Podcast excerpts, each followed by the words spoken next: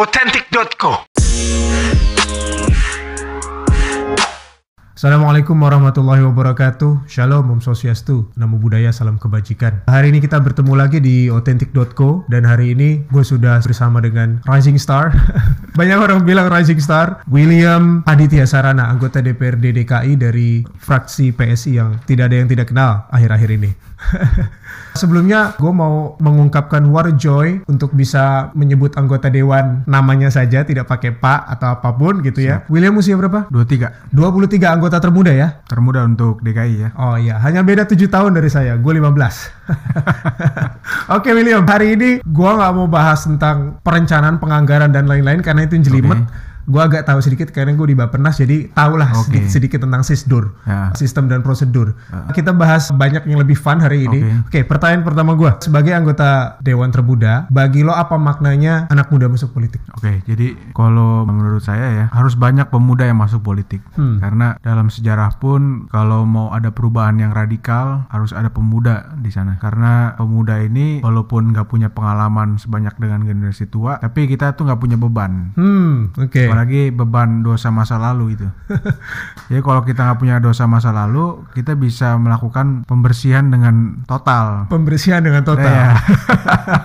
kalau generasi tua mungkin Oke. kalau dia melakukan perubahan dengan radikal, dia kan tersapu juga. Oke. Gitu loh. Justru kalau banyak pemuda ini banyak darah baru, justru perubahan itu bisa dilakukan dengan lebih cepat kalau menurut saya gitu. Oke, pembersihan total berarti kotor. Kotor lah. Itu yang lo lihat sebelum memutuskan untuk oke gue mau jadi anggota DPRD. Ya jadi emang maksudnya nggak semua anggota DPRD atau semua pejabat itu kotor ya. Tapi memang secara sistem itu bermasalah sistemnya gitu. Misalnya sistem politik yang sangat mahal. Mhm. Itu yang harus diputus. Saya dari PSI misalnya mencoba memutus sistem itu dengan mengkat kos politik. Oke. Ya, misalnya di PSI itu nggak ada uang mahar, saya nggak pakai saksi di TPS, Oke. saya nggak pakai bagi-bagi sembako, nggak pakai bagi-bagi duit, jadi kita pengeluaran kampanye bisa 500 jutaan lah. 500 juta dan 500 jutaan itu udah cukup kalau kita nggak melakukan politik uang ya. Oke. Kalau terpilih sebagai anggota DPRD dengan suara terbanyak 12.000 ribu Terbanyak di PSI. PSI-nya ya. Terbanyak di PSI, Di PSI. 12.000 ribu. Di PSI. Oke, tadi kita bicara masalah sistem. Kebetulan pertanyaan yang akan gue gue tanyakan persis akan tentang itu. Pertama, PSI dan lo sendiri merasa tidak punya beban gitu Hmm. kan. Tapi para reformis lain tahun 98 masuk politik pun juga tanpa beban. Banyak Hmm. juga partai-partai yang masuk saat itu partai baru tanpa beban juga. Hmm. Tapi akhirnya menghadapi sistem, sistem yang sudah membusuk dari dalam sebenarnya. Ada political decay di situ. Hmm. Apa yang bisa kita lakukan? Apa yang bisa anak muda lakukan? Apa yang bisa Anda lakukan sebagai seorang politisi muda untuk mencegah diri ikut membusuk di dalam sistem itu? Kalau menurut saya, kalau kita mau masuk politik dan ingin melakukan perubahan, kita nggak bisa masuk dalam partai politik lama. Kalau menurut saya. Oke. gitu ya. Jadi kalau Anda bersih sendirian di partai politik yang sudah lama tetapi partai itu mungkin sudah memiliki budaya yang ingin kita ubah itu, kita bersih sendirian akhirnya pasti akan ikut dalam sistem itu. Jadi kalau ingin membawa perubahan yang lebih besar, menurut saya harus masuk dalam partai politik yang baru yang memang sudah memiliki budaya yang ingin kita tularkan nanti di politik. Misalnya kalau di PSI itu kita sudah terbiasa dengan budaya meritokrasi, transparansi. Jadi kalau kita sudah sehat di dalam tubuh partai, kita bisa menularkan kesehatan itu ke politik gitu, ke DPRD. Tetapi memang kalau kita ingin mengubah semuanya itu ya kita harus lebih banyak kursi di Oke. DPRD dan di parlemen tentunya untuk bisa mengubah seluruh sistem. Tapi kan kami kan sekarang di DPR RI nggak ada, di DPRD pun menjadi partai menengah kan. Oke. Jadi apa yang kami lakukan di DPRD sekarang ini itu adalah tindakan-tindakan yang kita bisa kontrol. Oke. Misalnya kita membuka pos pengaduan, kita kan nggak perlu persetujuan ketua DPRD kan membuka pos pengaduan. Karena kami membuka pos pengaduan, banyak partai politik lain membuka pos pengaduan. Oke. Jadi secara tidak langsung kita mempengaruhi itu. Atau misalnya kita koar-koar terkait dengan anggaran APBD dengan kita mengeluarkan lem ibon misalnya. Itu akhirnya membuat efek domino yang sangat baik. Misalnya sekarang eksekutif benar-benar menyisir anggaran, TGUPP benar-benar menyisir anggaran lagi, dua kepala SKPD mundur. Mundur. Itu efek domino yang baik menurut saya. Jadi benar-benar sekarang partai politik, fraksi-fraksi juga ikut menyisir. PDIP misalnya juga mengeluarkan begitu banyak sekali kejanggalan-kejanggalan itu. Secara tidak langsung dengan kita melakukan disrupsi, kita juga mempengaruhi sistem itu secara tidak langsung. Oke, disrupsi. Tapi memang gue juga nggak tahu kenapa misalkan negara sebesar kita ya itu baru menggunakan sistem e-budgeting tahun 2015. Berarti bayangkan saja selama ini dari dari let's say dari reformasi tahun 98 ke 2015 Iya. berapa banyak anggaran yang Betul. siluman. Anak muda itu memang harus masuk karena dia tadi tidak punya beban untuk itu semua ya. Betul. Termasuk partainya juga. Kalau lo lihat merasa nggak sih ada semacam generation gap Iya. di eh, lingkungan DPRD ini sendiri sehingga lo berkata oh gue harus masuk, gue harus mengubah kultur yang ada di Jakarta let's say sebelum Indonesia. ada generation gap itu kalau menurut saya. Jadi Mhm. mungkin di DPRD ini kan mayoritas masih baby boomers ya, Mhm. atau mungkin lebih tua lagi. Sehingga kalau kita pakai cara-cara yang pakai sosmed, kita publikasi melalui sosial media, transparansi, internet dengan segala informasi yang cepat, mungkin mereka kaget. Mhm. Jadi memang itu yang dirasakan sekarang oleh anggota DPRD yang lain mungkin ya sehingga mereka melihat cara-cara yang dilakukan PSI ini belum pernah dilakukan oleh partai lain sehingga Oke. mereka kaget dan salah satu laporan yang masuk ke saya itu kan laporan etik gitu kan Mhm. Iya, badan kehormatan ya. Anda dilaporkan ya. Dilaporkan karena mengunggah mem- mempublikasi anggaran di sosial media. Mhm. Ya itulah ketika kita ingin melakukan disrupsi mungkin ada yang tidak nyaman. Bisa dijelaskan proses di eh, badan kehormatan itu seperti apa? Maksudnya siapa yang melaporkan terus kemudian akhirnya diputus tidak melanggar kode etik ya karena itu merupakan sikap kritis itu bisa dijelaskan? Belum diputus ya, Oh, belum oke. belum diputus. Jadi belum ada keputusan dari Badan Kehormatan. Pada hari Senin itu ya, Senin itu saya baru diminta klarifikasi Oke. dari Badan Kehormatan. Jadi sifatnya tanya jawab. Mhm. Apa maksud saya mempublikasi anggaran tersebut? Oke. Dan saya jelaskan di Badan Kehormatan itu bahwa apa yang saya lakukan ini tujuan utamanya itu untuk publik tahu gitu. Publik tahu penggunaan anggaran kita ini untuk apa. Ini yang dila- tidak dilakukan eksekutif yang coba fraksi PSI lakukan. Oke. Kami dapat datanya itu juga secara legal. Jadi kan banyak yang mengatakan bahwa kami dapat bocoran, ada informan. Hmm. Bukan. Ini mungkin sudah sudah jalan Tuhan juga bahwa tiba-tiba eksekutif itu pada tanggal 11 Oktober Oke. mengupload itu di website. Kami kaget, terus sorenya langsung di take down, tombolnya doang ternyata di take down. Hmm. Link, datanya itu masih bisa kita buka. Oke. Kita tinggal kopas aja dari history browser. Oke. Nah, kita jadinya punya kesempatan tuh selama sebulan lebih menyisir anggaran. Oke. Dan kita banyak ketemu yang aneh-aneh di situ. Kita screenshot semua, kita simpen link-linknya, dan kita terus mendesak eksekutif untuk membuka tombol itu kembali lah istilahnya. Tapi tidak dibuka-buka juga, dan kami sudah bersurat empat kali. Akhirnya ya kami akhirnya memakai cara mempublikasi di sosial media. Sekaligus itu kan menjadi medium. Sosial media itu kan menjadi medium yang paling cepat dan murah untuk kita berkomunikasi ke konstituen. Oke oke. Banyak yang menduga bahwa apa yang Anda lakukan memiliki motif politik. Hmm. Bagaimana menanggapi itu? Anda pun sebagai anggota dewan sekarang pun harus siap sebenarnya untuk Ya. eh, dengan tuduhan-tuduhan seperti itu. Ya. Bagaimana? Kalau menurut saya setiap politikus pasti ada motif politik. Ini kan bukan saya bukan bukan PNS, bukan Ya. ASN, Bukan volunteer di sini. bukan volunteer.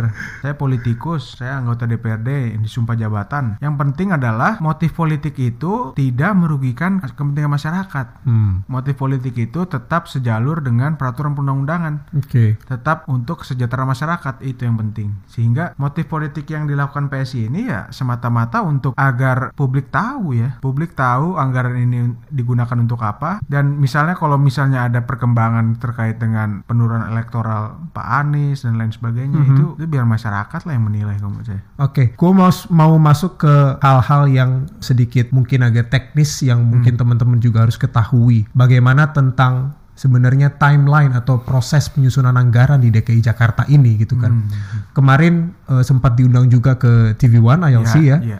Di situ Pak Saifullah, eh, beliau eh, ketua tim anggaran ya eh, DKI Jakarta, beliau mengatakan bahwa RPKAD Rencana kerja pemerintah daerah. Ah, itu sudah diupload pada bulan Juli. Itu betul atau tidak? Maksud maksud eh, artinya itu adalah proses yang biasa dilakukan, diupload bulan Juli, terus kemudian karena ada pergantian eh, anggota DPRD sehingga mungkin eh, belum sempat melihat itu dan lain-lain, tapi beliau mengatakan itu sudah diupload gitu loh. Itu gimana tuh? Saya jelaskan ya. Jadi apa yang dimaksud oleh Sekda dengan Ya. apa yang dimaksud PSI itu berbeda. Hmm. Jadi yang dimaksud Sekda itu dia sudah mungkin mempublikasi PDF-nya. Jadi PDF eh, RKPD mungkin itu. RKPD ke website mereka. Oke. Tetapi yang kita mau itu bukan di website mereka, tetapi di website apbdjakarta.go.id. Hmm. Oke. Itu itulah sistem e-budgeting. Jadi kami ingin diupload itu di sistem e-budgeting, bukan di website generic PDF Hmm. download gitu. Karena kalau di PDF itu kita cuma hanya hanya Bisa bisa, lihat. melihat kegiatan. Yap. Tetapi kalau di-upload di sistem e-budgeting, mereka dipaksa juga untuk mengupload komponen. Oke, komponen. Ya. Oke. Jadi yang penting itu adalah kita bisa melihat komponen. Percuma kita cuma bisa melihat kegiatan. Karena apa? Misalnya lem ibon itu ditemukan, lem ibon itu kan levelnya komponen. tuh. Komponen. Lem ibon itu ditemukan di kegiatan bernama Badan Biaya Operasional Pendidikan. BOP ya. Bayangkan, apakah hubungan biaya operasional pendidikan dengan lem ibon? Jadi kalau kita misalnya cuma bisa melihat kegiatan nih, biaya operasional pendidikan 82 miliar, kayaknya wajar kan? Hmm.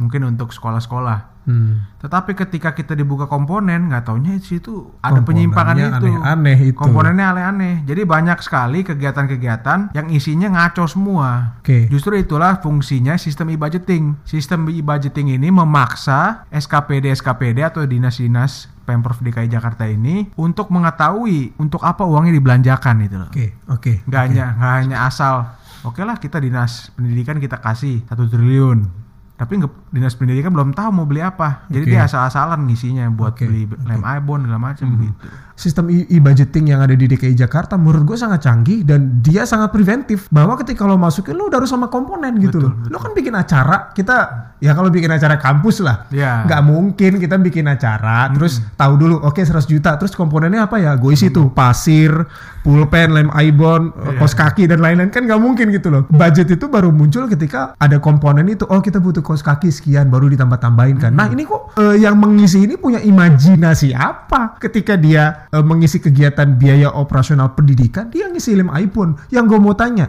ini kan yang ngisi SKPD. SKPD itu teman-teman Satuan Kerja Pemerintah Daerah. Isinya ada kepala dinas, eh, ke- termasuk kepala sekolah dan lain-lain. Itu kan mereka ASN kan. Itu mereka punya imajinasi apa untuk nulisin lem ibon? Itu artinya ada problem kapabilitas? Ada problem perencanaan yang sangat buruk gitu Oke. dan waktu itu dikonfirmasi di komisi pendidikan Mhm. kenapa li- pilih lem ibon karena paling atas kategorinya di- tinggal diklik Oke. pasir juga banyak di atas itunya apa kategori-kategorinya itu diklik-klik di paling atas jadi intinya apa intinya dia belum tahu tuh untuk apa uangnya 80 miliar itu jadi asal isi dulu gitu loh komponen-komponennya Itu yang disebut dulu sebagai anggaran gelondongan ya. Nah, kegiatan itu gelondongan. Nah, gelondongan ini nanti kan dispesifikin jadi komponen-komponen itu. Makanya pendekatan yang kita harus lakukan itu jangan pendekatan gelondongan, Oke. tapi sudah mengetahui komponen-komponen itu apa. Oke. Dan ini sudah dilakukan oleh gubernur sebelumnya. Hmm. Justru si- sistem e-budgeting ini ingin membalik pendekatan kita menganggarkan setahun gitu. Jangan pakai pendekatan gelondongan, tapi sudah melakukan pendekatan secara komponen. Itu artinya memang eh, setiap rencana baik di pusat maupun di daerah mereka sudah harus tahu secara rinci kan. Betul. Ini mau tahu bikin apa gitu kan eh, tahu secara rinci. Ini kan berarti kemarin ada ada eh, gue lupa siapa yang bilang bilang tuh ada problem males dan Hmm. eh, di eh, a- a- ada ada salah satu narasumber bilang ada problem kemalasan juga sebenarnya ini eh, gimana caranya secara sistem gitu ya Eh, mungkin anda sebagai anggota DPRD ini memperbaiki ini sebenarnya memperbaiki sistem perencanaan kita di di di, di DKI Jakarta Saya berkali-kali mengatakan bahwa sistem secanggih apa pun kalau tidak ada political will dari top leadernya oke itu semuanya akan sia-sia. Pak Anies misalnya memperbaiki sistem ini, mau menyempurnakan ini. Oke bagus, tapi kenapa baru sekarang? Hmm. Setelah semuanya ribut, baru dia mau perbaiki sistem ini. Tahun-tahun kemarin ke mana aja gitu. Dan dia tuh selalu menyalahkan sesuatu di luar dirinya, misalnya sistem anak buah dan lain sebagainya. Artinya kembali lagi, semua tergantung pada top leadernya. oke PS, PNS, ASN itu kan nggak berganti. Mereka kan mesin birokrasi yang tidak berganti. Yang Oke. berganti kan leadernya, top leader politikal politiknya, gubernurnya, wakil gubernurnya. Sebenarnya di level birokrasi ini tidak masalah mereka. Mereka tuh sudah terbiasa dikoreksi, sudah terbiasa transparan. Justru mereka sebenarnya senang kalau kita bisa misalnya bisa menemukan kejanggalan-kejanggalan anggaran karena kita bisa langsung mengkoreksi itu. Hmm. Nah, yang menjadi masalah adalah kenapa tidak dipublikasi-publikasi ini Hmm. karena memang ada kontrol kebijakan dari Gubernur Anies Baswedan yang tidak mau mengupload ini. Kontrol kebijakan dari Gubernur Anies Baswedan untuk tidak mengupload. Anda bisa Iya. pastikan itu apa bentuknya? Iya, beliau kan mengatakan kita pak kita publikasi setelah semuanya selesai dibahas. Artinya kan dia nggak mau dipublikasi pada saat level kita lagi membahas perencanaan ini. Oke. Jadi kan ada perbedaan politik tuh sikap politik kalau PSI maunya dipublikasi ketika sedang dibahas seperti ini karena kalau kita menemukan kejanggalan langsung kita bisa coret. Oke. Kalau maunya seperti Pak Anies ya, Pak Anies maunya setelah disahkan, setelah diketok palu baru dipublikasi. Oke. Tiba-tiba ada ketemu kejanggalan di akhir, kita udah nggak usah ngapa-ngapain. Nggak bisa berubah. Nggak bisa berubah lagi kan?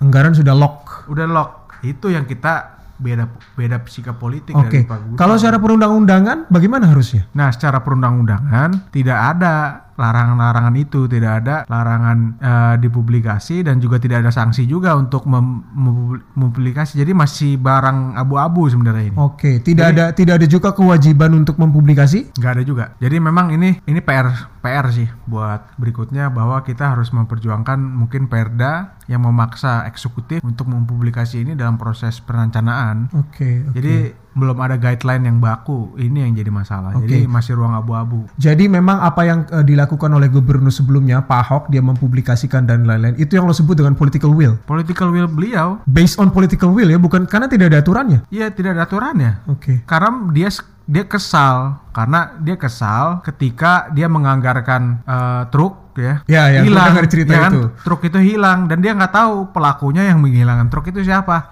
nah sistem e-budgeting budgeting ini men-tracking orang-orang yang men- menambah dan mengurangi anggaran jadi kalau kita pakai Google Docs Hmm. Google Docs itu kan kelihatan siapa yang mengedit jamnya berapa kan ketahuan semua Oke. Nah, Oke. sistem e-budgeting itu mirip dengan Google Docs. Jadi kita tahu nih yang menghilangkan truk itu akunnya siapa, di jam berapa. Jadi peluang permainan itu bisa diminimalisir. Oke, oke. Itu itu sistem e-budgeting justru membantu kepala daerah. Pak Anies sudah berjanji bahwa akan eh, beliau akan memperbaiki sistem Hmm. ini dan eh, katanya Desember 2019 sistem itu akan jadi. Niat Hmm. baik itu bagaimana menurut Anda? Saya mendukung, mendukung sekali kalau misalnya dia bisa menemukan cacat dari sistem ini lalu disempurnakan oleh beliau. Tapi juga harus diingat bahwa sistem ini sudah dihargai, eh, diberi perang- penghargaan dari KPK sebagai sistem e-budgeting yang terbaik Yap. dan akan diduplikasi tahun 2020 oleh Kemendagri sistem e-budgeting ini ke provinsi-provinsi lain. Oke. oke. Jadi sudah menjadi benchmark Oke. gitu.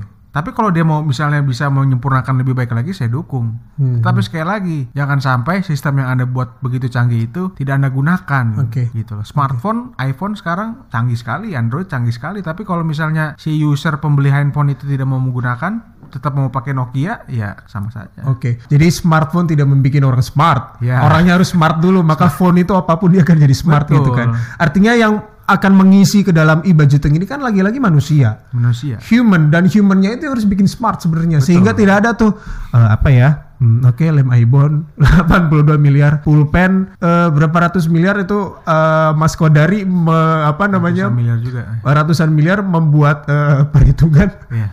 itu bisa buat beli 316 juta ballpoint gila itu satu orang Indonesia dikasih satu masih bisa jualan ya kan itu gila banget menurut gua Iya, iya, iya. jadi jadi memang eh, apa namanya kita harus membalik nih ya mas ya Ya. Eh, sistem anggaran ini bukan dari gelondongan dulu kemudian baru lo pikirin tapi lo pikirin dulu matang-matang Ya. Betul. terus baru anggaran itu jadi gitu ya betul. kira-kira Em, setelah DPRD ini tugas di DPRD ini habis mau lanjut di DPRD atau melangkah Kalau saya prinsip hidup saya saya nggak pernah berencana. Karena menurut saya per- rencana itu cuman membuat ekspektasi yang akhirnya mengecewakan kita. Jadi kalau saya itu eh, dalam hidup ini kalau saya prinsipnya sih menjalani aja. menjalani saja. Tapi Lihat Pak Anies nggak boleh begitu Pak. Bapak nggak boleh bilang kalau- saya kalau- sih nggak berencana. Nggak boleh. Bapak tetap harus punya perencanaan ya Pak. Kalau level negara harus ada rencana. Kalau saya hidup sendiri ya lihat kesempatan aja. Oke oke. Tapi usia 23 tahun, lulus tahun Tahun ini. Jadi Oke. jadi yang lucu ya, saya tuh dilantik hari Senin, wisuda hari Jumat. Jadi, jadi saya dilantik dulu baru di wisuda. Oke. Dan ini adalah pekerjaan pertama lo. Kerjaan pertama ya. Oke, bagaimana eh, menjalani dari tanggal 20 23 kalau salah. ya. 23 Oktober fun? Kalau saya ya sebenarnya banyak pressure sih. Apa saya tuh? Tiga bulan awal ini ya maksudnya baru tiga bulan kan, tapi sudah ada apa namanya? Sudah ada hantaman seperti ini. hantaman. Bahkan sudah nyerang pribadi, aduh, udah. Jadi- Nyerang pribadi dalam arti?